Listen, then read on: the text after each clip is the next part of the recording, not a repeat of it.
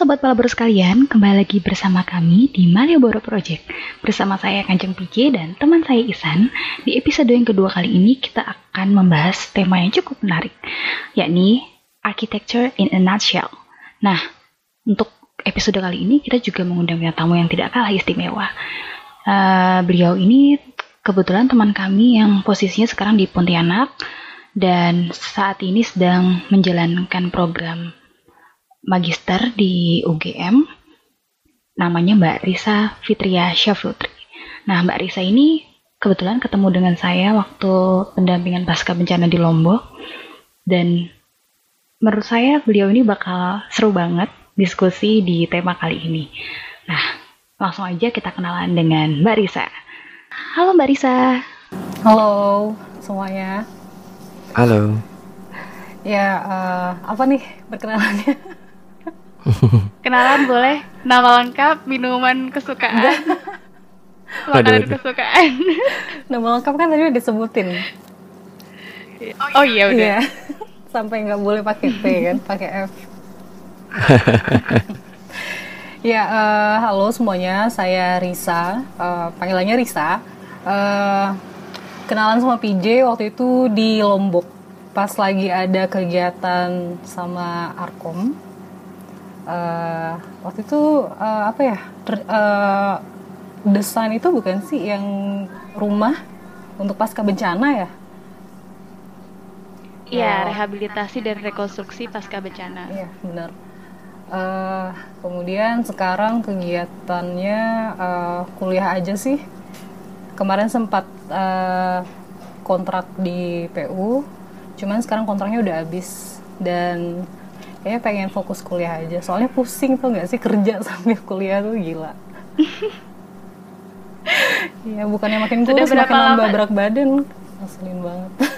Sudah berapa lama kamu kerja, kerja nyambi nyambi nyambi gitu? Satu semester kemarin uh, full kerja sambil kuliah.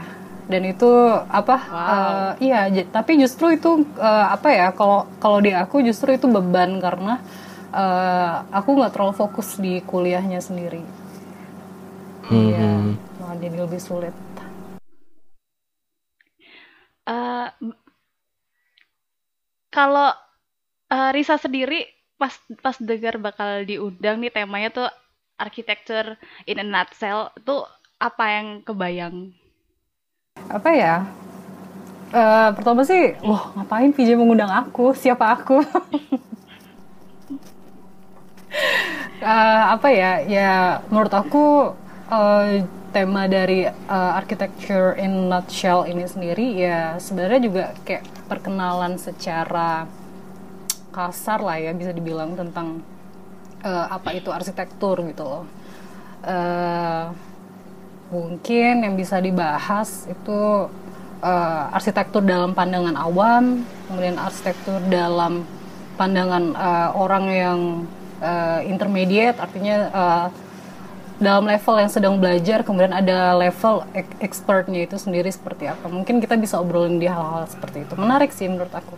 Dan berguna banget buat uh, nggak cuma buat orang-orang yang terjun di dunia arsitektur juga di uh, orang-orang yang belum mengenal apa itu arsitektur itu sendiri. Oke. Gimana san? Um, iya jadi itu benar banget. Jadi salah satunya acara ini kan ditujukan buat teman-teman yang mungkin belum mengerti arsitektur itu apa gitu kan. Nah tapi dulu kan kita juga sama tuh. Sama-sama nggak nggak punya ide tentang sebenarnya di arsitektur tuh ngapain sih gitu kan. Nah dulu dari Mbak Risa tuh sebelum masuk ke arsitektur pas masih SMA tuh itu yang dibayangin tentang arsitektur tuh dunia macam apa sih mbak? Mungkin karena ayah aku tuh dari dari aku SD emang ayah aku kuliahnya di arsitektur ya. Aku sempat di Malang itu sekitar empat tahun waktu ayahku lagi ngambil S2 di ITS Surabaya, ibuku di Muhammadiyah mm -hmm. Malang. Jadi aku udah tahu banget itu setiap malam dia bikin maket, kemudian gambar, bikin apa uh, gradasi warna apa segala macam. Menurut aku di benak seorang anak kecil SD itu ngeliat arsitektur itu menyenangkan. Kayak bikin-bikin rumah mewarnai gambar-gambar. Itu kan kayak wah keren banget gitu loh. Kayak apalagi aku emang suka gambar dari dulu. Jadi ya itu sih kemudian SMP SMA ngelihat arsitektur itu udah apa ya lebih ke keren doang gitu loh kayaknya. E, seseorang yang kayak punya power untuk menciptakan apa bangunan apa segala macam itu keren gitu kan kayaknya kan. Mungkin itu sih dulu pandangan zaman zaman SD SMP SMA wow. ini menarik San. Ini menarik karena ini sebuah fakta yang belum aku ketahui walaupun udah temenan sama Risa Jadi aku nggak tahu kalau misalnya Risa itu berangkat dari keluarga arsitek kayak gitu. Enggak keluarga sih, bapak aku doang sih. iya, maksudnya biasanya kan kayak gitu tuh. Biasanya kalau ada keluarga yang arsitek, anggota keluarga, mm anaknya katanya pasti ada yang jadi arsitek juga. Oke, okay, uh, eh, ternyata Mbak Risa uh, dari keluarganya sudah ada yang menjadi arsitek gitu ya sehingga punya cukup bayangan tentang sebagai arsitek tuh besok bakal ngapain sih gitu kan. Tapi uh, kayak aku gitu atau Mbak Biji itu kan bukan yang keluarganya berlatar belakang tentang arsitektur gitu. Nah kalau dari Mbak Biji sendiri itu gimana Mbak dulu Mbak? Kamu melihat pas mau masuk ke arsitektur tuh jadi kalau aku bisa bilang ini rencana di tangan kiri ibaratnya.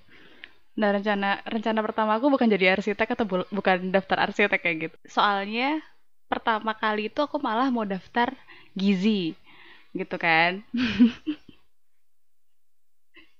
Cuman waktu itu waktu waktu negeri kan kalau nggak salah apa sih istilahnya SNMPTN ya? Mm -hmm. Nah, sebelum SNMPTN itu aku udah daftar ke UII duluan waktu itu. Dan itu aku bener-bener milih dalam waktu 5 menit. 5 atau 10 menit. Di, di gambaran aku saat itu pilih akreditasi ya A. Dan yang aku bisa. Karena dulu aku mikirnya arsitektur tuh ya gambar-gambar gitu kan. Dan aku ngerasa aku bisa gambar sok-sokan sih ngerasa aku bisa gambar gitu kan. Tanpa tahu apa itu arsitektur tuh aku nggak ngerti gitu nggak ngerti banget ya. Tahu sih gambar bangunan tapi nggak nggak sedetail itu kayak gitu. Jadi itulah awal mula aku mendaftarkan diri dalam jurusan ini. Dan terjebak hingga saat ini. Terjebak masuk dalam banget nih. Kayaknya banyak tuh yang punya cerita terjebak masuk tuh terjebak tapi tidak tidak menyesal kok. Iya iya iya. Tersesat ke jalan yang benar. yang benar. Walaupun nggak tahu bener enggak kalau Isan sendiri gimana? Uh, aku dulu apa ya? Sebenarnya cuman karena kan aku di SMA cukup bodoh gitu ya tentang pelajaran fisika matematika gitu kan. Terus akhirnya uh, apa ya sesuatu yang lain yang mungkin bisa aku lakukan gitu. Meskipun pada awalnya minder karena aku nggak bisa gambar sama sekali akhirnya uh, oke okay lah aku tetap milih ini gitu. Cuma sayangnya awalnya dulu ditolak sama kampusnya sama UGM tuh. Nah kemudian akhirnya keterimanya di elektro di UNY tapi kemudian terus berusaha lagi buat ngejar arsitektur. Dan akhirnya ya dapatnya di di UI gitu. Cuman dulu awalnya tuh apa ya Iya aku udah punya bayangan dia karena apa aku pernah kuliah di fakultas teknik gitu jadi pasti ini bukan sesuatu yang yang kemudian mudah. Pasti menyita banyak waktu gitu. Cuman yang yang gak aku sangka tuh ternyata sekompleks itu gitu. Ketika kita mau desain tuh ternyata yang dipikirin sebanyak itu. Sesuatu yang nggak pernah aku pikirkan sebelumnya. Ya benar rata-rata kayak gitu ya banyak kan ya kasusnya ya. Tapi sebenarnya ada alasan tersendiri loh kenapa kenapa waktu itu aku mengusulkan untuk ngajak Risa ngobrol untuk tema ini. Mhm. Iya, apa Karena itu? hitungannya gini nih. Ini menurut aku personal ya, maksudnya. Eh, Risa ini termasuk girl crush gitu. Iya. Jadi tau gak istilah girl crush itu kan nggak sempat ngetren di Korea ya istilahnya kalau cewek ngefans sama cewek kayak gitu lah berarti Oh, kita itu dong Jadi- mutual jadi- dong. Apa Girl crushku juga aku Wow. kok. jadi aku ngerasa Risa ini eh, mumpuni untuk untuk berbicara soal arsitektur ibaratnya eh, s- dia nggak cuman ngeba nggak cuman tentang arsitektur pada umumnya tapi eh, Risa juga ter bukan terjebak ya maksudnya maksudnya menjebakkan diri menjeburkan diri pada arsitektur yang lain kayak gitu. Nah makanya aku suka kalau ngobrol sama Risa itu kita bisa nyambung bahas eh, kanan kiri ibaratnya kayak gitu. Makanya kayaknya cocok buat Risa. Bagaimana sih sebenarnya kayak menjelaskan tentang arsitektur ini tapi s- dalam gambaran yang mudah untuk ditangkap orang awam misalnya kayak gitu. Karena tadi kalau kita lihat ya kondisinya di di ya dunia sekarang lah ibaratnya kayak gitu. Banyak lah teman-teman kita maksudnya di mana-mana. Kayaknya menjelaskan arsitektur tuh kayak suatu hal yang eksklusif abot gitu berat gitu kan. Tinggi gitu kan. Wah ini bayarannya mahal ini. Pokoknya sekolahnya susah. Pokoknya yang berat-berat gitu. Itu kayaknya arsitektur. Makanya aku pengen ngajak Risa diskusi bareng aku dan Isan. Kita bisa mendeskripsikan arsitektur dengan cara yang lain misalnya kayak gitu. biar orang nggak takut nih Iya, karena Gitu. mungkin apa ya? eh, pandangan itu kan nggak cuman terjadi dalam satu malam kan pandangan tentang arsitektur itu ek- eksklusif apa segala macam kan artinya memang mungkin eh, bukan mungkin sih faktanya memang da- eh, dari zaman dulu eh, para arsitek itu memang eh, di hire untuk membangun bangunan-bangunan yang pada akhirnya eh, menghasilkan landmark ya kan? Kayak eh, presiden pertama kita aja bangun Monas gitu dia seorang arsitek. Jadi pandangan-pandangan itu tuh eh, menurut aku juga sebuah menurut aku pribadi ya sebuah memori kolektif turun turun temurun gitu dari generasi ke generasi Mhm. maka dari itu eh, ada sebuah kesimpulan bahwa arsitektur itu eksklusif, padahal itu bukan fakta gitu kan. Itu sebuah fakta tapi bukan kebenaran yang eh, mutlak gitu, bukan kebenaran yang Iya. apa namanya eh, eh, eh, melingkupi semua dari fakta-fakta. Ada fakta bahwa arsitektur juga bagi untuk orang-orang kecil, untuk orang-orang yang tertindas juga emangnya mereka tidak layak untuk punya hidup yang apa eh, baik, rumah yang sehat apa segala macam kan. Cuman ya karena itu tadi sih menurut aku eh, memori kolektif yang membuat arsitektur itu menjadi eksklusif. Padahal tidak selalu seperti itu seharusnya. Nah, menarik ini memori kolektif. Nah, kayaknya eh, kita bakal ngorek lebih lanjut nih dari Mbak Risa eh, setelah yang satu ini.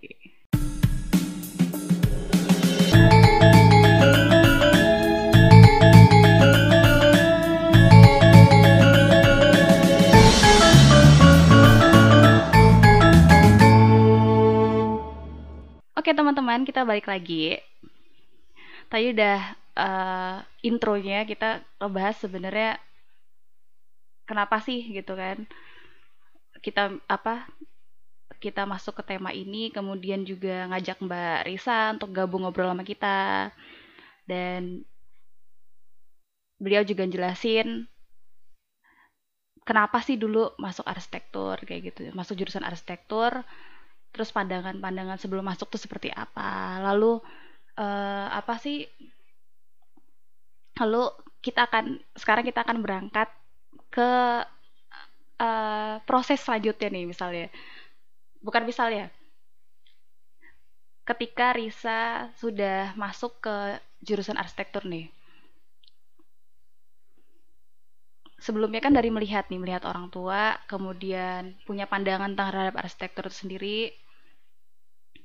Kemudian akhirnya menyelami sendiri itu apa rasanya bedanya? Terus ada hal-hal yang lain nggak sih? Ada yang berubah nggak sih? Kayak gitu.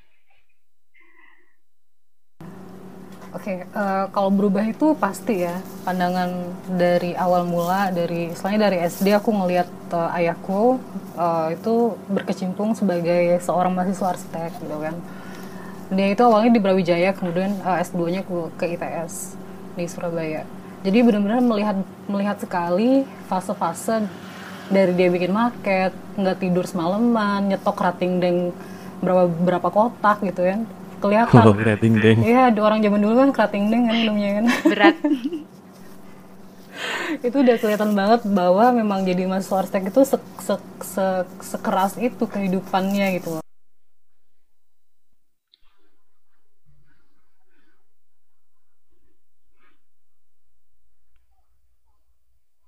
aku kapok deh. Karena uh, apa namanya uh, eh, SMP SMA itu aku tetap melihat arsitektur itu sebagai sesuatu yang kayaknya wih powerful banget gitu loh. Seperti itu. Masuk ke dunia uh, masuk ke kampus aku kuliah di Universitas Tanjung Pura Pontianak. Uh, ngerasain sendiri apa yang uh, ayahku lakukan ketika aku masih SD nggak uh, tidur setiap malam apa segala macam. Uh, dan di situ baru baru apa ya ada sedikit rasa nilai apa ya nilai berharganya arsitektur itu nilai kompleksitasnya arsitektur itu mulai kerasa dikit di, dikit demi sedikit di uh, S1 uh, selesai S1 aku kerja tapi bukan kerja sebagai arsitektur bangunan aku kerja lebih ke urban design. Uh, nah di situ apa ya uh, pandangan aku tuh ter, uh, lumayan terbuka sih. Karena selama ini aku lihat bahwa arsitektur itu eksklusif kan. Kita membangun bangunan uh, single building gitu untuk orang-orang. Ngelihat uh, arsitektur arsitektur uh, luar negeri yang uh, luar biasa. Zaha Hadid lah. Kemudian uh, Tadao Ando apa segala macam. Uh, name it lah. Itu banyak banget kan. Itu kayak kayak gimana gitu. Kayak megah uh, banget ngelihat uh, pekerjaan real urban design uh, arsitektur bagi banyak orang gitu loh. Kita ngelihat banget bahwa uh, sesuatu yang megah-megah itu ternyata uh, sesuai konteks harusnya gitu kan. Tidak tidak muluk-muluk harus yang terlihat uh, spektakuler apa segala macam. Tapi kalau, kalau konteksnya itu tidak sesuai target itu ya jadinya tidak berguna. Dari situ aku dapat pelajaran bahwa arsitektur itu memang harus sesuai dengan konteks waktu kerja sebagai uh, urban design, urban designer. Uh, di situ tetap arsiteknya, arsitekturnya tetap bermain karena kalau menurut aku sendiri uh, makna arsitektur itu bukan cuma sekedar bagaimana ngedesain bangunan, tapi juga uh, bagaimana kita berpikir uh, problem solving gitu loh, melihat problem solvingnya dari uh, uh, sesuatu gitu kan. Kalau dalam sini hmm. uh, kalau dalam sini studi eh, kasusnya adalah urban kawasan itu sendiri. Kalau dalam kasus bangunan ya bangunan itu sendiri dan bagaimana ke lingkungan uh, sekitarnya. Hmm. Uh, nah tapi uh, dulu nih semasa masih kuliah nih, uh, ada nggak sih mbak uh, semacam mungkin kesadaran yang sudah mulai tumbuh gitu bahwa oh ternyata arsitektur tuh nggak melulu tentang yang megah-megah, nggak melulu tentang yang berkilau-berkilau gitu. Mungkin uh, mungkin karena gini ya, dulu di semester dua, aku tuh nggak bukan bukan tipikal apa ya uh, orang yang berkecimpung di dunia arsitektur yang menyukai sesuatu yang terlalu uh, sparkle gitu, yang terlalu megah, yang terlalu hmm, bing-bing. Aku hmm. kurang suka yang kayak gitu-gitu mungkin karena ini juga sih semester 2 uh, di S1 itu aku ingat banget dosenku itu nyuruh kita uh, mencari satu arsitek luar negeri yang kemudian nanti kita bedah uh, filosofi arsitekturnya. Waktu itu aku kepilih sama Richard Smith. Jadi si Richard Smith ini uh, menurut aku arsitekturnya itu sangat humble, down to earth, kemudian juga mhm. kontekstual. Mm-hmm. Dia juga dia juga punya prinsip bahwa arsitektur itu adalah cahaya, bilang kayak gitu. Nah, wow. Nah, ya menurut aku uh, itu dia tadi kan bahwa bagaimana uh, sebenarnya kalau misal uh, menurut aku sendiri ya pribadi uh, mau kita mau lihat konteks lebih luasnya itu bagaimana si arsitektur itu bisa memanfaatkan sesuatu yang uh, itu kan kayak sumber daya alam ya kayak sesuatu yang ada di sekitarnya gitu loh. Tidak tidak tidak tidak apa ya tidak sombong tidak tidak megah yang berlebihan apa segala macam. Kontekstual hmm. gitu loh, sesuai dengan uh, permasalahan yang dihadapi Nah dari berangkat dari situ uh, ya itu juga ngaruh banget sebenarnya ke bagaimana kita berpikir mendesain setelah setelah itu gitu. Meskipun okay. pada akhirnya di di uh, tugas akhir bangunan aku termasuk bangunan yang agak uh, tidak tidak biasa bentuknya. Uh, waktu itu aku bikin rumah seni lukis uh, dengan konsep ima ber, menumbuhkan imajinasi dan dia tuh punya bentukan yang infinity gitu kayak angka 8 ya hmm. tapi tetap menurut aku saat itu ya lima tahun yang lalu menurut aku itu tetap kontekstual dan tidak berlebihan sih oh, ya gitu dari Mbak Pici dulu pas tugas akhir bikin apa Mbak? Waduh, aku malu ini kalau menjelaskan tugas akhirku.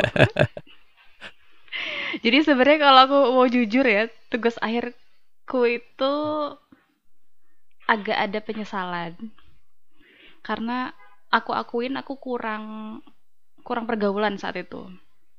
Jadi aku nggak tahu nggak tahu seluas tentang arsitek tentang arsitek apa, siapa aja arsitektur tuh ada seperti apa aja. Jadi bener-bener aku tuh orang yang jarang cari referensi. Itu itu kelemahanku. Aku tuh jarang cari referensi. Karena dulu aku berpikir kalau aku cari referensi itu akan mendistrak imajinasiku Nah itu itu itu jeleknya sih ya mungkin ya. Uh, tapi waktu itu pas aku tugas akhir aku bikin uh, ibaratnya penataan kawasan tepian air. Karena memang nggak tahu kenapa aku sangat menyukai waterfront. Entah itu sungai, entah itu laut kayak gitu kan. Tapi khususnya laut gitu kan. Dan di situ kebetulan memang kasusnya uh, dulu bekas calon reklamasi dan gagal karena ganti wali kota masalah. Nah, waktu itu kan kami emang diminta untuk cari isu yang real kalau sama dosen pengujinya. Makanya aku waktu itu nyari konteks yang yang bener-bener memang kayak dulu tuh pengen dibikin sesuatu tapi batal gitu kan. Batalnya kan karena politik kan berarti ya. Sehingga aku aku ngerasa perlu perlu nyambung isu nih gitu kan buat bener-bener jadiin sesuatu di sana. Nah, kebetulan tempat yang aku pilih ini itu dekat dengan itu dekat dengan pelabuhan yang apa sih namanya peti kemas. Jadi, nah di situ ada bukit-bukit, sebenarnya ada bukit-bukit dan bukit itu sebenarnya ditujukan untuk penyelamatan kalau misalnya ada tsunami. Sayangnya di daerah sini tuh bukit-bukitnya tuh banyak yang digerus karena itu dipakai buat bahan bangunan kayak gitu loh. Nah makanya akhirnya aku jadiin bangunanku tuh city gallery yang yang nampilin benda-benda purba kala dan replikanya sih sebenarnya. Sekaligus bangunan uh, penyelamatan pengganti si bukit si bukit penyelamatan tsunami ini kayak gitu. Tapi aku bener-bener kayak nata landscape-nya banget kayak gitu. Dan walaupun dulu belum kekirian ya tapi kayaknya ada aroma-aroma ke arah sana kayak gitu. Jadi bener-bener aku mencari teknologi terbaru yang sebisa mungkin uh, dia tuh nggak ngerusak alam kayak gitu. Sampai aku nyari-nyari jurnal anak sipil yang gimana mereka bikin plat ngapung supaya nggak bikin pondasi-pondasi yang ngecor-ngecor ke laut kayak gitu biar nggak ngerusak ekosistem di bawahnya kayak gitu kayak gitu sih cuman tetap aja agak ada penyesalan gitu ya tetap ada yang kurang kayak gitu rasanya ada yang bilang TA Kurang itu humanis. seperti ada yang bilang TA itu seperti aib bagi mahasiswa arsitektur atau arsiteknya itu sendiri. Apalagi apalagi TA TA gitu yang ya? udah lima enam tahun yang lalu gitu. Jadi wajar ya kalau aku merasa itu aib ya? Aku juga merasa itu aib TA aku aib. kayak apaan sih mikirnya kayak gini banget lebay nggak realistis tapi tapi bagusnya itu sih. Pasti kayak kayak Risa sendiri tadi bilang ya maksudnya ketika sekarang sudah menilai itu dengan cara yang lain berarti kita melakukan refleksi kayak gitu kan. Iya pasti itu. Poinnya di situ. Ketika kita bisa Harus. refleksi dan merasa bahwa kok kita dulu nggak kontekstual sih segala macam berarti ke depannya untuk memperbaiki kayak gitu kan. Banget. Nggak kontekstual banget. Kalau dari Risa sendiri pernah nggak sih kayak ikut organisasi selama kuliah apalagi Kalau- terkait dengan Heeh.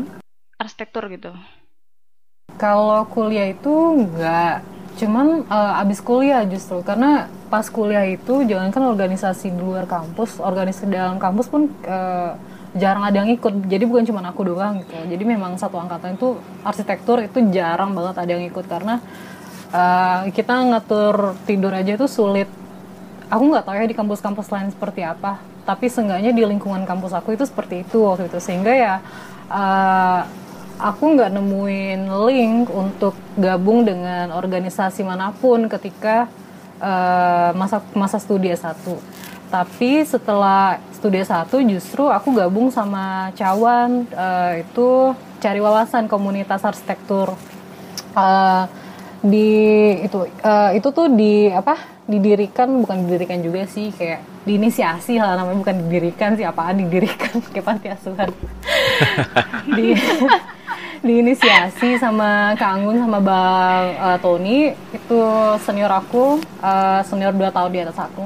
Jadi eh, lumayan banget sih itu kegiatan kita dari 2016 aku lupa mereka itu kalau nggak salah mereka eh, pertama kali kegiatan tahun 2014 atau 2015 gitu lah.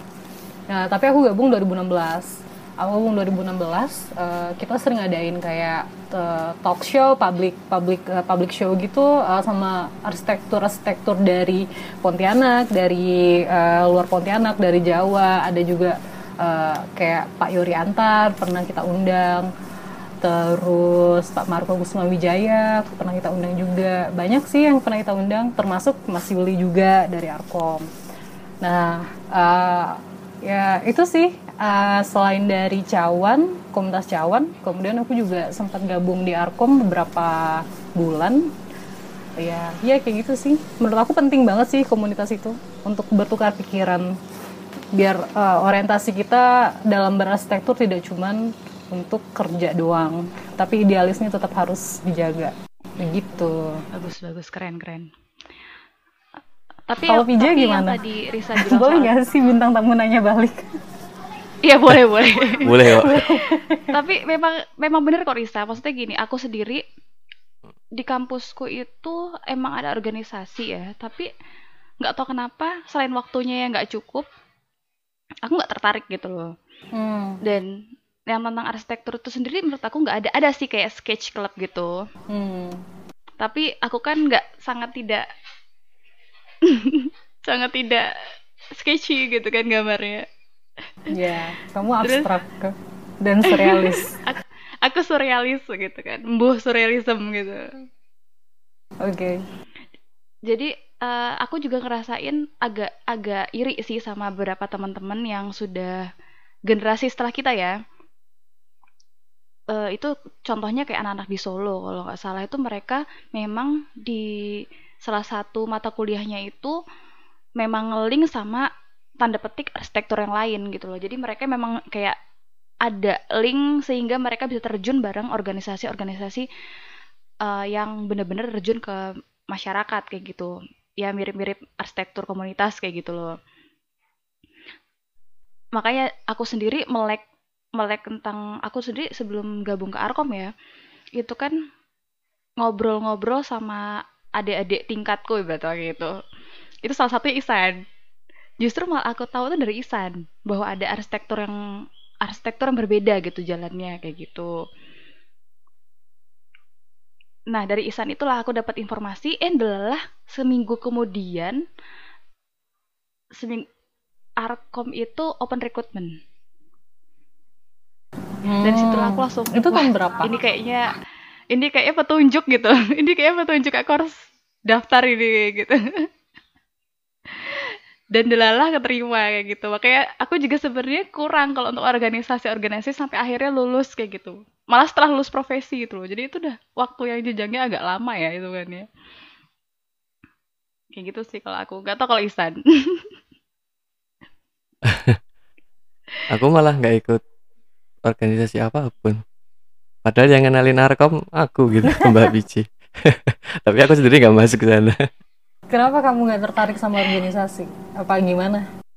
sebenarnya bukan bukan nggak tertarik gitu ya tapi uh, ketika ketika aku di kampus sih uh, to be honest bukannya aku nggak tertarik untuk berorganisasi tetapi tidak tertarik dengan organisasinya Hmm. aku nggak ngelihat sesuatu yang menarik di sana cuman akhirnya kami dulu bikin uh, sebuah forum namanya ngerasani arsitektur ngerasani itu apa ya Merasakan. menggunjingkan Oh, mengguncing, mengguncing, menggunjingkan. Oke, oke, oke. ya jadi daripada kita menggunjingkan orang mendingan yang diguncingin arsitektur gitu Iya, kan benar, benar, benar.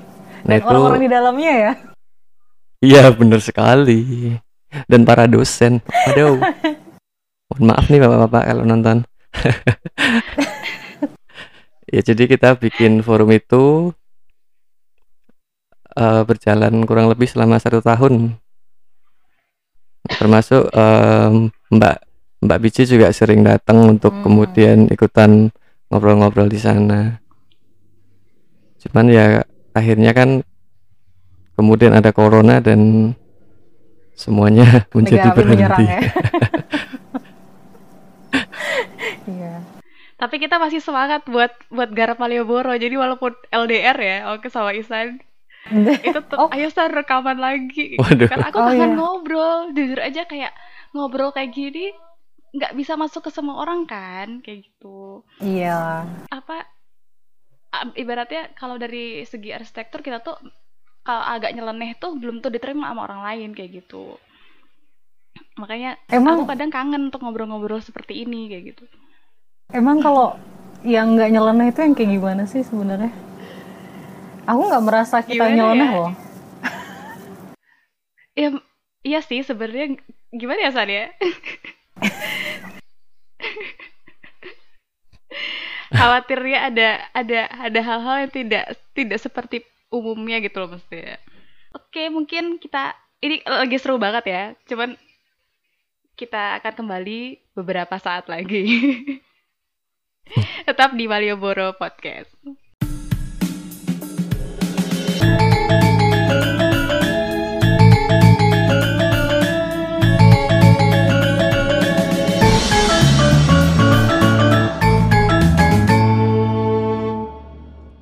Ya, kita balik lagi. Sobat Malbor masih pada di tempat? boleh eh, Pak, boleh bawa kopinya, biskuitnya. Oh boleh ya. Mbak Risa silakan hidangan hidangan yang kami siapkan. Boleh disantap dulu. Halu deh. Halu deh. Eh, tadi kita udah bahas lumayan banyak ya, maksudnya gimana kita bergelut dengan dunia arsitektur itu sendiri, em, mengenal jenis-jenis arsitek gitu ibaratnya ya kan, Eh, dari perkampusan sampai yang di luar kampus kayak gitu. Nah, kalau dari Risa sendiri, waktu lulus nih, harapannya tuh apa waktu itu? Mesti harapannya bakal kayak mana, bakal melangkah ke mana? Itu sudah ada bayangan belum? Atau sudah ada pilihan belum? Terus begitu masuk kejebur nih, kayak kemarin kan eh, kamu akhirnya masuknya ke urban design dulu ya. Terus ke ketemu kenyataan itu gimana kayak gitu. Pada akhirnya kan juga Risa kalau nggak salah abis dari urban balik lagi, eh, langsung balik lagi ke arsitektur yang eh, konsultan kayak gitu kan? Iya benar. Atau langsung ke pemerintah? Eh, jadi sebetulnya urban design itu juga eh, kegiatan-kegiatannya didanai oleh pemerintah. Jadi kebanyakan APBD sama APBN. Eh, kebetulan eh, sepupu aku punya perusahaan, jadi aku gabung sebagai tenaga arsitektur di situ junior, ars- eh, junior arsitek. Eh, memang dari dulu bergelutnya di eh, untuk konsultan untuk pemerintah sebenarnya kayak gitu. Jadi eh, memang nggak pernah di swasta sih. untuk kepikiran lulus itu mau ke mana? Yang penting apa namanya dapat kerjaan aja dulu. Karena udah pusing ngebebanin orang tua.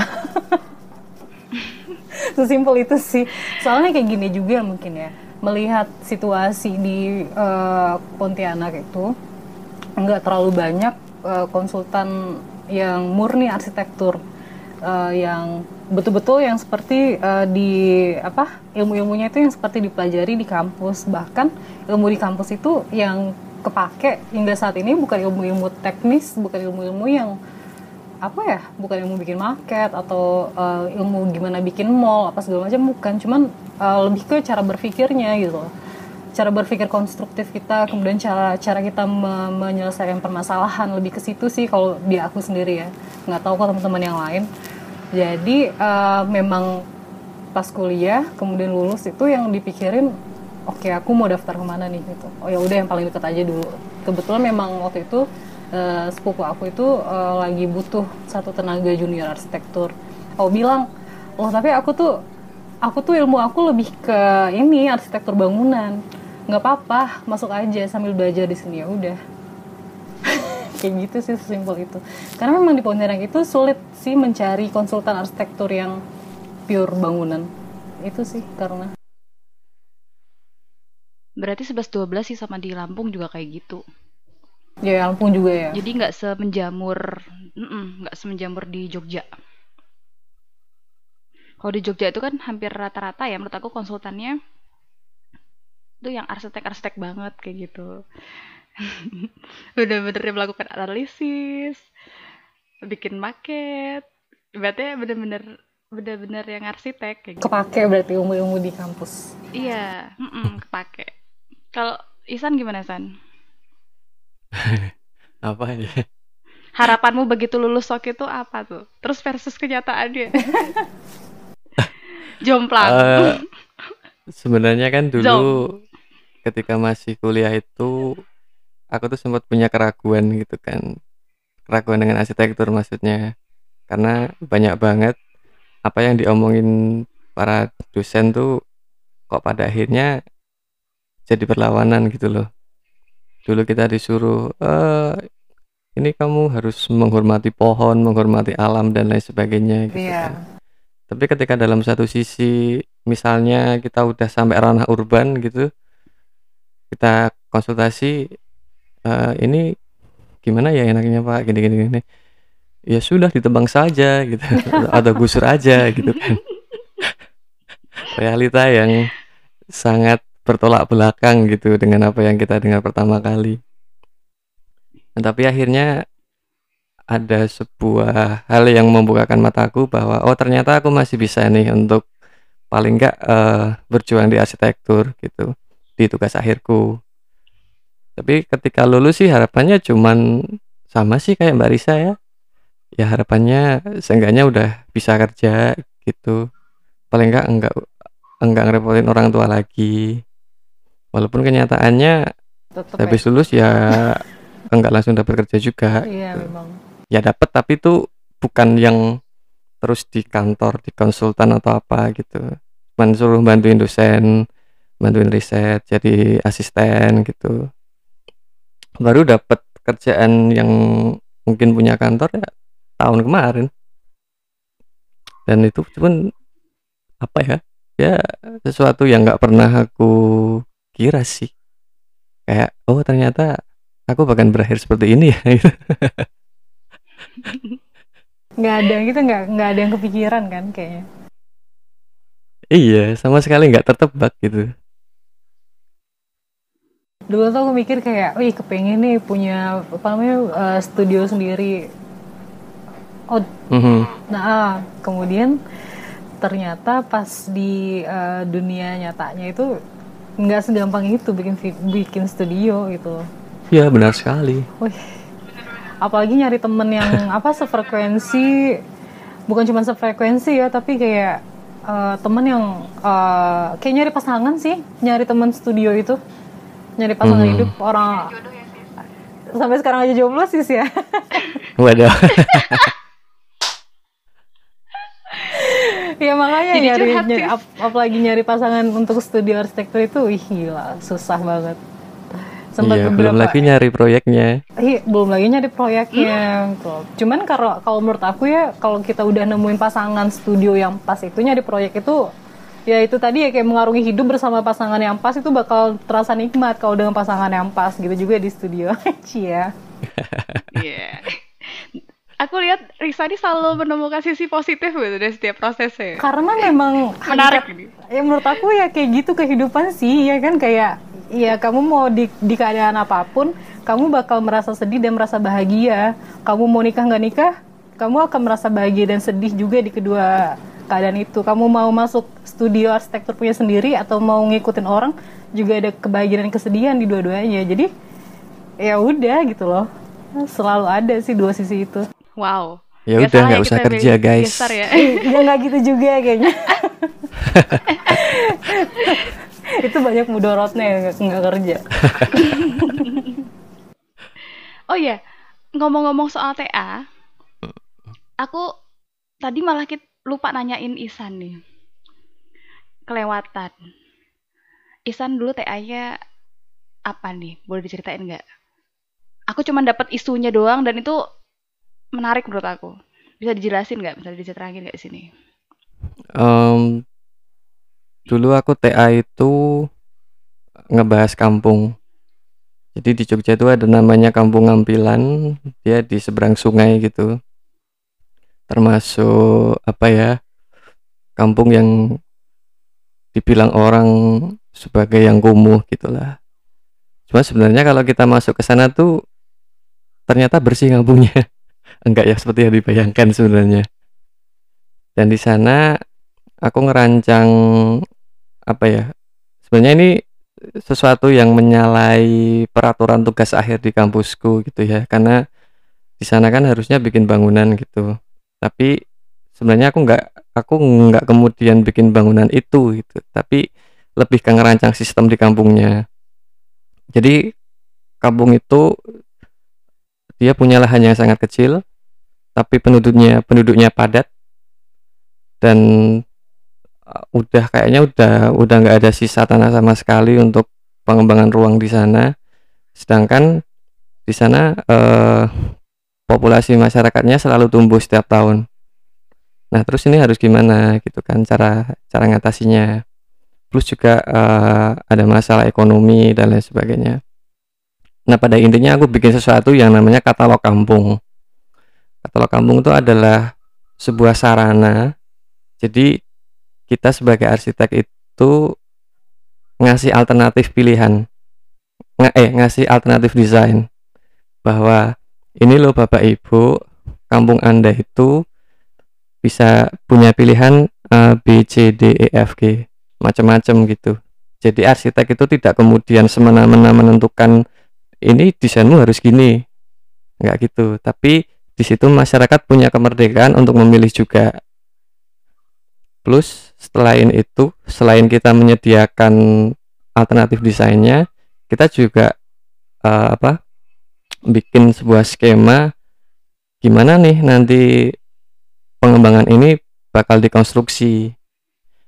Karena kan itu lahannya sempit, resource-nya terbatas dan lain sebagainya. Nah, itu gimana tuh caranya ngatasin di situ? Itu juga kita bahas.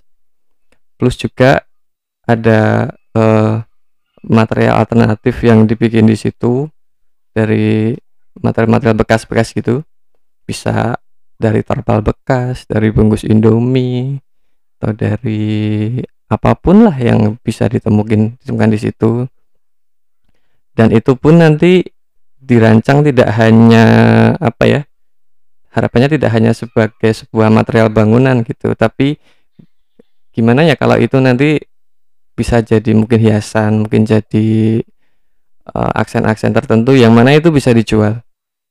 Jadi juga uh, kita coba meningkatkan ekonomi masyarakat yang ada di situ. Ya paling enggak itu sih uh, yang menjadi gambarannya dan yang menjadi apa ya garis bawah dari itu adalah bahwa masyarakat itu punya kemerdekaan untuk memilih gimana nih nanti kampungnya akan dikembangkan gitu. Jadi nggak hanya top down dari arsitek dari atas ke bawah, tapi masyarakat dari bawah juga dia punya kuasa untuk nentuin nasib dari kampungnya sendiri. Yang paling menarik buatku adalah ketika Isan bilang uh, materialnya itu bikin panel. Jadi berarti ada saklek panelnya ukurannya. Tapi isi dari panel itu bisa dari apa aja yang dikumpulin sama si warga itu. Itu menarik sih menurut aku. Karena kan tadi ya kita nggak bisa uh, menuntut orang-orang yang tanda petik dimarginalkan kayak gitu kan. Yang susah juga kayak gitu. Tapi kita menata tapi maksa mereka ng ngasih material yang mahal kayak gitu loh. Jadi bener-bener dari yang mereka bisa temukan di sekitarnya tapi tetap tertata dengan cara panel tadi gitu loh dengan sistem panel tadi. Soalnya dulu aku ditanyain sama dosen pem pembimbingku kan San ini ini temboknya dari apa gitu. Saya bilang dari batu bata pak. Ganti gitu. Dia langsung bilang jangan pakai batu bata ganti. Yang murah gitu. Dan bisa dibongkar pasang. Abis membahas tentang apa TA aku jadi berpikir sebenarnya TA TA anak arsitek itu menarik untuk dibahas ya karena banyak juga loh yang melihat konteks buat apa buat mm, mendesain sebuah daerah atau area gitu kan. Bahkan bangunan itu sendiri dan sebenarnya itu juga bisa terapin gitu loh. Cuman kan cuman kan banyak kan memang mentok di jurnal ilmiah. Akhirnya print-printan skripsinya masuk ke, perpust uh, ke perpustakaan udah sampai situ aja kayak gitu. Kayak sayang banget kan kalau nggak kita share-share ya gitu. Makanya pengen banget lewat Malioboro podcast ini. Teman-teman arsitek juga bisa nge-share tentang tugas akhirnya. Siapa tahu benar-benar menginspirasi kayak gitu loh. Buat semua yang denger ya. Oke ini menarik banget. Uh, sehabis yang satu ini kita balik ke, kita bakal balik untuk membahas tentang paradigma,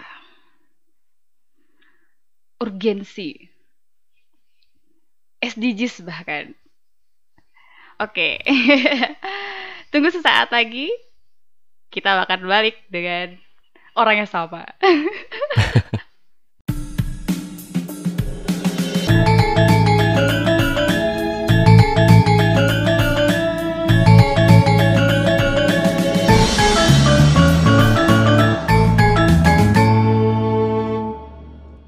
Oke teman-teman, sesuai dengan janji, janji berapa beberapa detik yang lalu ya. uh, jadi di tema ini juga kita pengen banget nih dengar komentarnya Mbak Risa tentang paradigma apa saja sih yang berubah dari awal sampai saat ini makna arsitektur itu sendiri gimana sih kayak gitu dan mengingat ya mengingat teman-teman juga sering tuh posting-posting tuh wah Wih, kalau nggak ada arsitek itu dunia ini berantakan gitu. Tapi ada juga tuh yang ngelawan nih kalimatnya. Kalian tuh gak usah lebay gitu loh. Ada gak ada arsitek dunia ini baik-baik saja gitu. Nah, silahkan. Silahkan Mbak Risa berkomentar. menarik sih itu komen terakhir ada nggak ada arsitek itu dunia baik-baik saja. Sedangkan arsitektur sendiri adalah produk dari apa ya uh, kehidupan uh, manusia berkelompok gitu loh. Artinya ya kalau mau kita telusur dari awal ada adanya arsitektur arsitektur purba bukan purba juga sih kayak tradisional itu kan. Itu kan buah hasil dari berpikir masyarakat dalam beradaptasi terhadap lingkungannya ya kan? Jadi berkata bahwa ada tidak ada arsitek itu sendiri aja kalimat pertama itu aja udah salah. Nggak ada yang nggak akan bisa nggak ada arsitektur. Arsitektur itu bukan sesuatu yang dibikin atas dasar uh, terlepas dari sebuah kebutuhan. Arsitektur itu ada karena ada kebutuhan gitu makan itu nggak mungkin nggak ada karena kita butuh makan. Nah arsitektur itu nggak mungkin nggak ada karena manusia butuh beradaptasi terhadap lingkungannya. Dan produknya itu adalah arsitektur itu sendiri. Mungkin yang bisa mungkin yang menurut mereka itu arsitek nggak ada arsitek itu uh, tetap biasa dunia tetap berjalan mungkin dalam pemikiran bahwa arsitek dalam penyebutan modern kali ya. Karena kayak Leonardo da Vinci juga beliau arsitek juga mereka tapi dia nggak pernah sekolah arsitektur tapi lihat dong uh, hasil karyanya ya kan. Nah kan kayak gitu kan uh, kemudian? banyak ya hmm. arsitek-arsitek yang bukan arsitek. Justru yang karyanya just malah terkenal ya. Iya yeah. malah membentuk wajah arsitektur dunia. Iya iya kan? Kayak arsitektur-arsitektur vernakular tradisional zaman dulu itu mereka nggak ada yang bergelar sarjana arsitektur. PhD arsitektur nggak ada dong. Nggak ada mereka sekolah profesi nggak ada jadi bener, bener, bener. jadi uh, komentar itu sendiri lucu gitu. Itu menyalahi dari apa yang sudah semestinya gitu. Takdir bahwa arsitektur itu bagian dari kehidupan manusia di dunia sebenarnya. Ya kan? Menurut PJ gimana? Atau menurut Iksan gimana? kita kan diskusi santai aja kan? Ini ini pernah jadi bahasan uh, aku sama Isan waktu itu ya. Aku lupa sih uh, waktu itu konteksnya apa ya apakah kalau nggak salah Isa nanya kayak gini, apakah arsitektur yang merubah dunia atau dunia ini sebenarnya yang mengarahkan arsitektur kayak gitu? Mungkin itu aku bisa kaitkan dengan komentar Risa tadi. Sebenarnya arsitektur yang mana yang kita bahas kayak gitu kan? Jadi yang dibilang ada atau nggak ada atau nggak apa-apa itu arsitektur yang mana kayak gitu. Tapi kalau arsitektur sebagai uh, konsekuensi, maka itu tadi bagian dari takdir itu tadi part of life gitu jadi dia adalah produk arsitektur adalah produk dari uh, apa sih namanya? Manusia dari kehidupan manusia itu sendiri, sendiri gitu yeah. uh, dari peradaban. Karena betul. Gimana san? Iya jadi memang arsitektur itu sebuah keniscayaan gitu ya. Iya satu yang kita nggak akan bisa menghindarinya. Kebutuhan pokok kita kan ada sandang pangan papan. Nah pa, uh, papan itu adalah uh, mungkin wujud dari arsitektur itu. Yang mau nggak mau ya kita harus punya itu untuk paling nggak melindungi diri kita sendiri. Tetapi nah, ini nih ironisnya justru arsitektur juga lah yang sebenarnya ikut berkontribusi dalam tanda kutip ya merusak dunia ini gitu uh, banyak banget hal-hal kerusakan alam terutama yang sebabnya dikarena, dikarenakan oleh arsitektur. Kayak yang tadi aku bilang pas aku punya keraguan tentang arsitektur tadi yang harusnya misalnya nih ada pohon yang mungkin sudah 100 tahun hidup di situ gitu kan tapi ketika ada proyek yang mau nggak mau harus pakai uh, site itu atau lokasi itu ya mau nggak mau si pohon ya udah kan ditebang dibuang gitu kan. Padahal dia punya fungsi yang misalnya kayak uh, menyerap air kemudian akar-akarnya megangin tanah supaya nggak longsor misalnya. Nah itu kan sesuatu yang sebenarnya sangat krusial tetapi lambat laun seiring populasi manusia bertambah pun pekerjaan bertambah macam-macam pekerjaan bertambah sehingga manusia pun butuh banyak ruang untuk dia bekerja untuk dia berkarya sebagai manusia. Yang sayangnya secara pragmatis kita awur-awuran dalam tanda kutip ya udah nih alam tuh menjadi sosok yang seolah pasif gitu seolah seolah mati bahkan Nah, oleh karenanya eh, tahun berapa ya aku lupa sebenarnya ada sebuah inisiasi dari PBB United Nations untuk kemudian membuat sebuah program bernama Sustainable Development Goals. Jadi seluruh negara di bumi ini mereka bersepakat untuk membuat sebuah program bernama Sustainable Sustainable Development Goals yang semoga di tahun 2030 tuh itu bisa finish gitu atau uh, programnya tuh berhasil. Nah, salah satu yang menjadi apa ya menurutku hal yang krusial juga arsitektur di sisi ini. Dan mau nggak mau kita sebagai yang hari ini anak-anak muda nih 2030 kan berarti tinggal 9 tahun lagi nih. Kita berarti berarti akan ikut berperan di dalam situ. Nah, ini kira-kira dalam pandangan Mbak Risa kira-kira apa nih Mbak yang mungkin bisa kita lakukan dalam ikut menyemarakkan program Sustainable Development Goals yang diadakan oleh PBB ini? Kalau nggak salah, poin arsitektur itu di poin berapa belas ya? 11 ya atau mm -hmm. salah satu poin kan itu kan masuk ke dalam uh, Sustainable Development Goals itu kan ada banyak ada uh, kehidupan bawah air, bawah uh, di atas tanah, yeah, kemudian ada kemiskinan apa segala macam.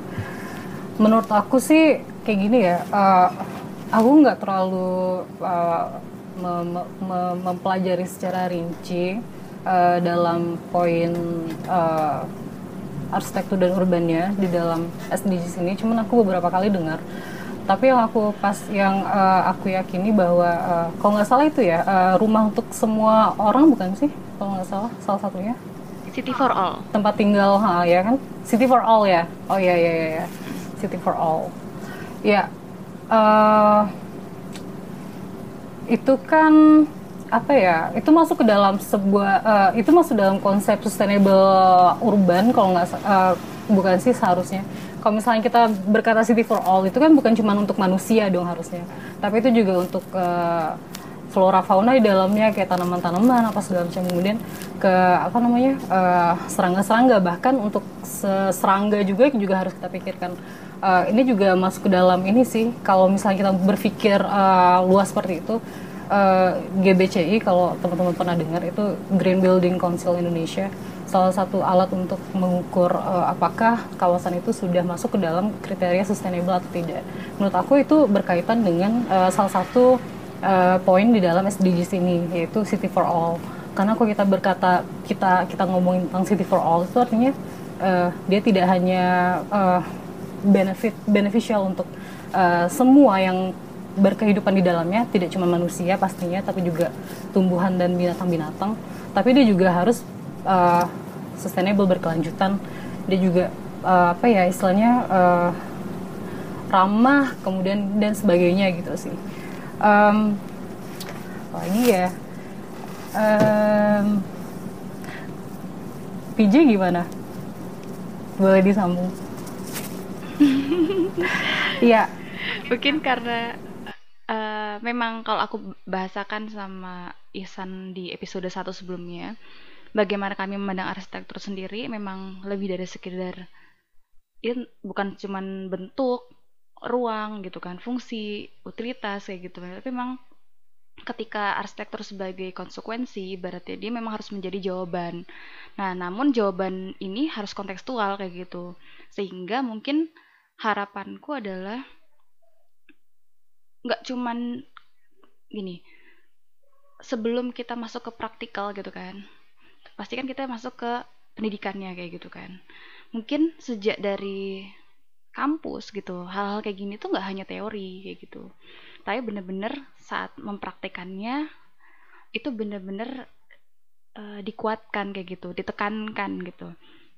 Kalau perlu memang apa ibaratnya syarat-syarat kayak da dalam tornya ya berarti dalam tor setiap semester setiap project itu bener-bener selalu selalu mengambil uh, poin-poin untuk menjadikan desain desain yang diciptakan oleh diciptakan diciptakan oleh para mahasiswa ini benar-benar memenuhi kriteria yang kontekstual kayak gitu. Jadi nggak asal dilulusin karena bagus rendernya bagus desainnya kayak gitu. Tapi dia kontekstual enggak tapi dia menjawab permasalahan enggak kayak gitu.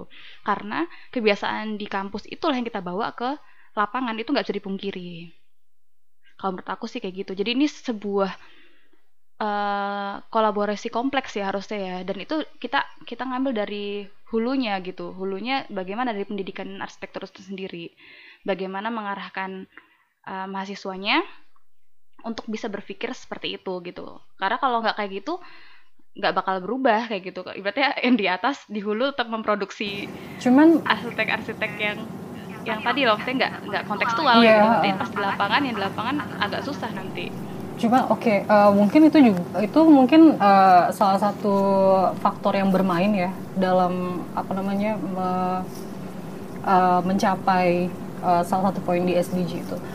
Tapi kalau eh, pandangan aku selain dari bagaimana eh, universitas memberikan kurikulum ya, kalau bisa dibilang kurikulum kepada mahasiswa, mungkin juga salah satu faktor yang sangat penting banget itu kebijakan pemerintahnya itu sendiri. Orang-orang yang tidak membela konsep city for all, konsep sustainable, tidak melihat uh, kota itu sama dengan ekonomi gitu loh. Karena uh, kalau misalnya dilihat sekarang tuh kan kayak kayak gini ya, eh, contoh paling kecilnya aja deh, trotoar kosong tuh, itu tuh kalau di beberapa daerah termasuk daerahku sendiri itu dipakai untuk jualan gitu kayak mindset dari pemangku kebijakan, pembuat regul- regulasi itu harus satu visi dengan si SDG-nya itu sendiri untuk mencapai apa namanya eh, poin tadi. Karena menurut aku kita capek-capek belajar eh, apa segala macam eh, mahasiswa-mahasiswa fresh graduate eh, mereka punya prinsip yang oke karena kurikulumnya sudah oke tapi ternyata pemangku kebijakannya tidak berpihak kepada uh, city for all tadi gitu. Kayak tadi kata Iksan kan uh, betul itu benar tuh kayak uh, apa namanya fenomena pohon-pohon uh, puluhan bahkan ratusan tahun ditebang hanya demi pemandangan yang baik itu itu terjadi di banyak tempat sebenarnya. Itu kan sebenarnya bukan salah si bukan sepenuhnya salah arsitektur ya. Tapi kan pemangku kebijakan dalam kota itu siapa? Karena eh, dari pengalamanku sendiri eh, dari 2016 sampai saat ini bekerja untuk eh, kegiatan pemerintah itu beda beda pemangku kebijakan beda kebijakan udah pasti. Mereka tidak tidak selalu ber- ber- berpegang pada misalnya peraturan daerah kayak gitu. Ada pihak-pihak yang bisa memainkan hal-hal tersebut Eh, kadang lucunya hanya untuk memuaskan ego. Oh ini loh aku aku berkuasa di sini. Itu terjadi juga. Jadi menurut aku salah satu faktor yang penting juga untuk mencapai itu bagaimana si eh, pemerintahnya itu pihak pemerintahnya itu sendiri eh, apakah mereka memiliki visi dan misi yang eh, satu tujuan? Itu sih. Ah benar-benar benar banget. Kalau dari eh, pengalaman di lapangan sih ya maksudnya memang eh, advokasi ya kalau kalau misalnya dari bottom up ya. Advokasi pemerintah itu sendiri. Tapi kemarin aku agak optimis ya. Karena waktu nyari tahu tentang SDGs ternyata begitu masuk ke Indonesia itu langsung diurus sama Bapenas kalau nggak salah. Nah jadi sama Bapenas itu sendiri SDGs diringkes jadi empat pilar kalau nggak salah. Jadi ada sosial, budaya, pembangunan dan ekonomi. Nah, eh, kalau aku bisa bahasakan, sebenarnya kalau dari pusat itu sudah sudah eh, mulai mengikuti apa yang eh, PBB anjurkan kayak gitu. Cuman masalahnya memang tadi implementasi di lapangan ya itu selalu jadi problematika gitu. Iya kan? Jadi memang bener. Aku sih masih punya harapan yang optimis ya, harapan positif karena eh, ke depannya generasi-generasi kita yang bakal maju kan. Makanya sebenarnya jangan sampai kita terlalu skeptis dengan pemerintahan dan birokrasi. Karena mohon maaf banget ya. Pada akhirnya orang-orang yang sekarang tua-tua ini berdiri di sana, atau duduk di kursinya, mereka akan pensiun pada waktunya. Mereka akan kembali ke rahmatullah pada waktunya. Jadi memang mau nggak mau, suka nggak suka, kita bakal menggantikan Iya. kayak gitu loh.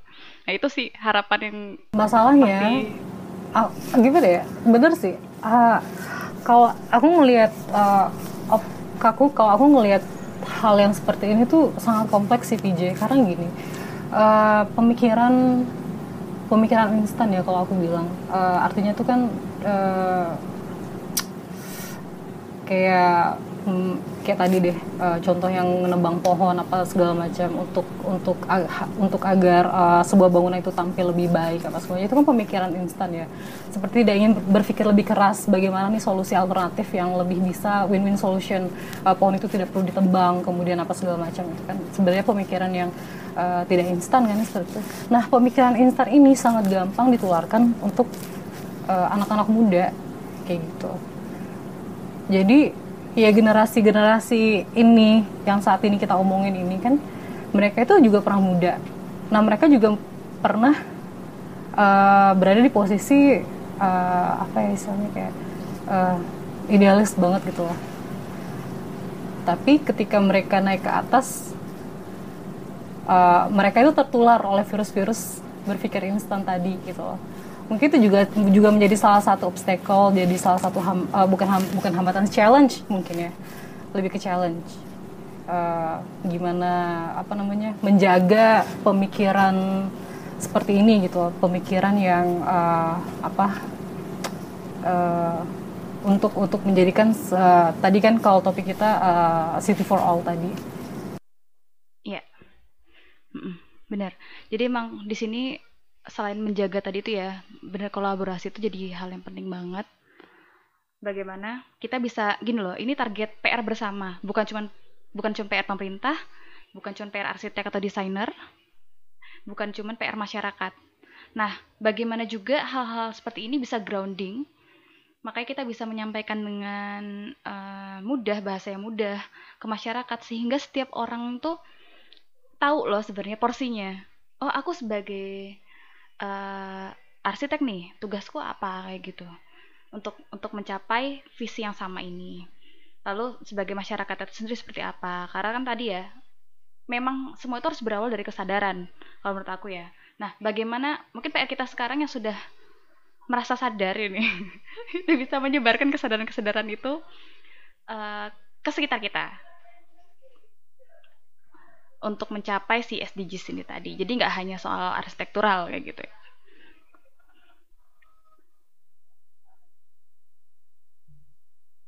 Lalu ini yang terakhir nih mungkin Risa. Uh, harapan atau target diri dari Risa sendiri ke depannya di bidang ini bakal kayak mana? Maksudnya harapan target pribadi atau harapan iya, terhadap arsitektur? Target pribadi. Saya akan ke mana aku setelah ini, terus akan membawa arsitektur ke mana? Uh, aku sekarang uh, ngambil S2 di UGM ya, jadi uh, kemungkinan besar aku mau lanjut ke S3 langsung, entah itu S3 atau coba menjadi dosen, tapi lebih ke akademis sih, lebih kalau karena menurut aku uh, setelah aku uh, mencoba nyemplung ke dunia kerja dan konsultan apa segala macam aku menemukan bahwa aku tidak terlalu nyaman berada di lingkungan itu. Aku lebih aku lebih nyaman dalam lingkungan akademis. Jadi menurut aku juga uh, uh, apa ya uh, baik menjadi dosen. Kita bisa mengajar mahasiswa apa ilmu-ilmu ini ke arah yang benar tadi yang menurut kata PJ tadi gimana mereka digembleng di dalam kampus kan untuk bisa punya uh, pikiran yang apa namanya uh, mengacu pada uh, city for all tadi. Gitu sih aku lebih ke akademis sih jadi. Memang kalau kata dosenku dulu orang-orang idealis ini sering terganggu atau diganggu ketika masuk ke lapangan nih. Makanya memang kalau mau mengeracuni kita bisa dari bidang pendidikan ya. Lelah banget di lapangan itu. Gimana San? Iya, kalau dari aku sendiri sih uh, harapannya apa ya? Ya mungkin dengan dengan adanya Malioboro ini gitu ya kita menja menjadi sebuah platform di mana kita bisa nyebarin kesadaran-kesadaran yang udah kita bahas panjang tadi dan itu juga bisa tersampaikan ke terutama justru masyarakat umum gitu kan justru selain yang dari arsitektur gitu supaya kita ngerti bahwa ini loh uh, signifikansi dari arsitektur terhadap hidup kita tuh sesungguhnya kan sangat besar sangat sangat berpengaruh banget lah sama kita. Nah ini uh, harapannya dengan adanya Malioboro ini kemudian kita mampu menyebarkan isu-isu itu wacana-wacana itu sehingga masyarakat kemudian bisa punya kesadaran yang membangkitkan jiwa mereka katakanlah seperti itu untuk mulai lebih peduli terhadap arsitektur dan juga lingkungan. Kan kayaknya bakal seru banget ya kalau misalnya ada sebuah uh, site gitu ada banyak pohon di situ yang mungkin sering digunain anak-anak mereka buat main atau apa gitu. Terus suatu hari uh, site itu dibeli orang dan mau bikin proyek kemudian kemudian masyarakatnya bisa bikin apalah katakanlah protes atau atau demo gitu. Kita nggak terima nih kalau pohon itu kamu tebang gitu. Itu kan sesuatu yang sangat keren banget. Karena muncul dari kesadaran tadi ya iya betul banget. Oke ini topik yang sangat menarik. Sebenarnya nggak cukup ya dengan uh, dua tiga empat episode ya menurut aku. Dan uh, aku terima kasih banyak buat Risa yang sudah meluangkan waktunya buat diskusi sama-sama. tentang arsitektur, tentang pengalamannya dan insight-insight menarik ya menurut aku ya. Paradigma-paradigma uh, yang lain gitu tentang arsitektur. Jadi apa menambah optimisme sih dari aku sendiri ya terhadap bidangnya aku dalami ini. Gitu. Semoga teman-teman juga uh, senang mendengarkan obrolan kita pada podcast episode yang kedua ini dan gak kapok untuk mendengarkan episode-episode berikutnya. Untuk Risa juga jangan kapok kalau suatu saat kita undang lagi jadi tamu. Kalian jangan kapok mungkin, karena aku agak mungkin random. dengan tema gimana? Kamu yang jangan kapok karena aku agak random. Ih, enggak kok. Oh enggak ya. Alhamdulillah. Kita senang banget pokoknya okay. uh, eh, Risa seru bahas ini semua gitu jadi semoga nggak kapok dengan kondisi yang apa namanya online kayak gini ya misalnya suatu hari kita bisa bertemu di kondisi yang lebih baik wah bakal mantep banget oke ke depannya berharap kami sih berharap bisa kolaborasi sama Risa dan kawan-kawan yang lain ya kayak gitu oke sampai sini dulu Terima kasih buat semuanya. Sampai ketemu di podcast yang selanjutnya.